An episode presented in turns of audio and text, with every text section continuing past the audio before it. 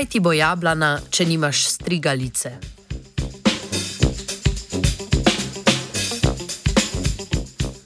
Današnje znanstvene novice začenjamo z bionadzorom v sadovnjaku Jablan. Raziskovalna skupina iz Nemčije je namreč v nedavno objavljenem članku v reviji Basic and Applied Ecology preučevala, kako uspešno navadne strigalice bionadzirajo oziroma plenijo krvave uši, ki so pogosto škodljivci jablan. thank you.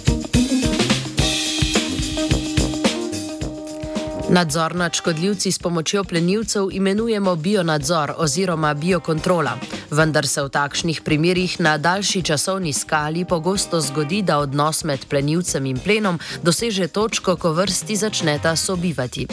Nastali odnos sobivanja lahko predstavlja problem za zaščito rastlinske vrste, ki jo poskušamo pred škodljivcem obvarovati.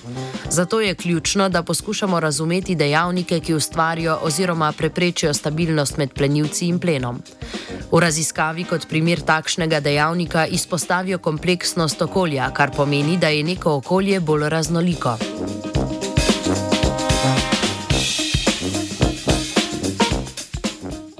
V študiji so preučili medvrstni odnos med krvavo ušjo in navadno strigalico. V odnosu je plen predstavljala krvava uš, ki je škodljivec sadnega drevja, predvsem jablan. Plenilec pa je bila v tem primeru vse jeda ter vsem dobro poznana in splošno razširjena navadna strigalica. V prvem poskusu so znanstvenice in znanstveniki preverili, kakšen vpliv ima razvejanost vej jablane na uspešnost plenjenja strigalic. Kot kompleksne veje so bile opredeljene tiste, iz katerih sta se izraščali več kot dve dodatni veji, medtem ko so bile kot preproste veje opredeljene tiste, ki so imele največ dve izraščeni veji. V drugem delu poskusa pa so preverili, kako uspešne so strigalice glede na svojo številčnost pri plenjenju uši.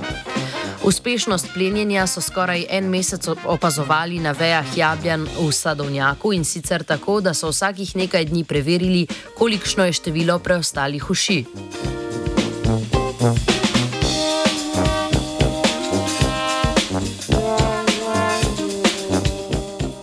Rezultati raziskave so pokazali, da so strigalice pri izvajanju biokontrole nad ušmi uspešnejše na preprostejših vejah. Na kompleksnejših vejah se je ob manjšem številu prisotnosti strigalic številčnost uši in strigalic stabilizirala.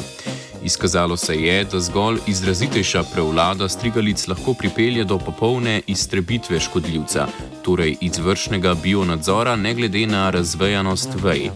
V raziskavi so tako pokazali, da prostorska kompleksnost plenilskega okolja in gostota plenilcev, torej strigalic, v največji meri določata učinkovitost plenjenja uši.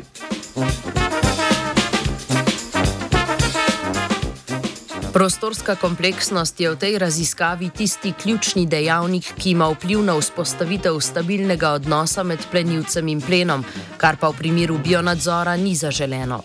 Za uspešen bionadzor je zaželeno, da plenilec poje v svoj plen. Glede na izsledke študije lahko to dosežemo z obrezovanjem dreves in posledično zmanjševanjem kompleksnosti okolja ali s povečevanjem populacij strigalic, s čimer bolj uspešno izvajamo biološki nadzor nad ušmi v sadovnjakih jablan.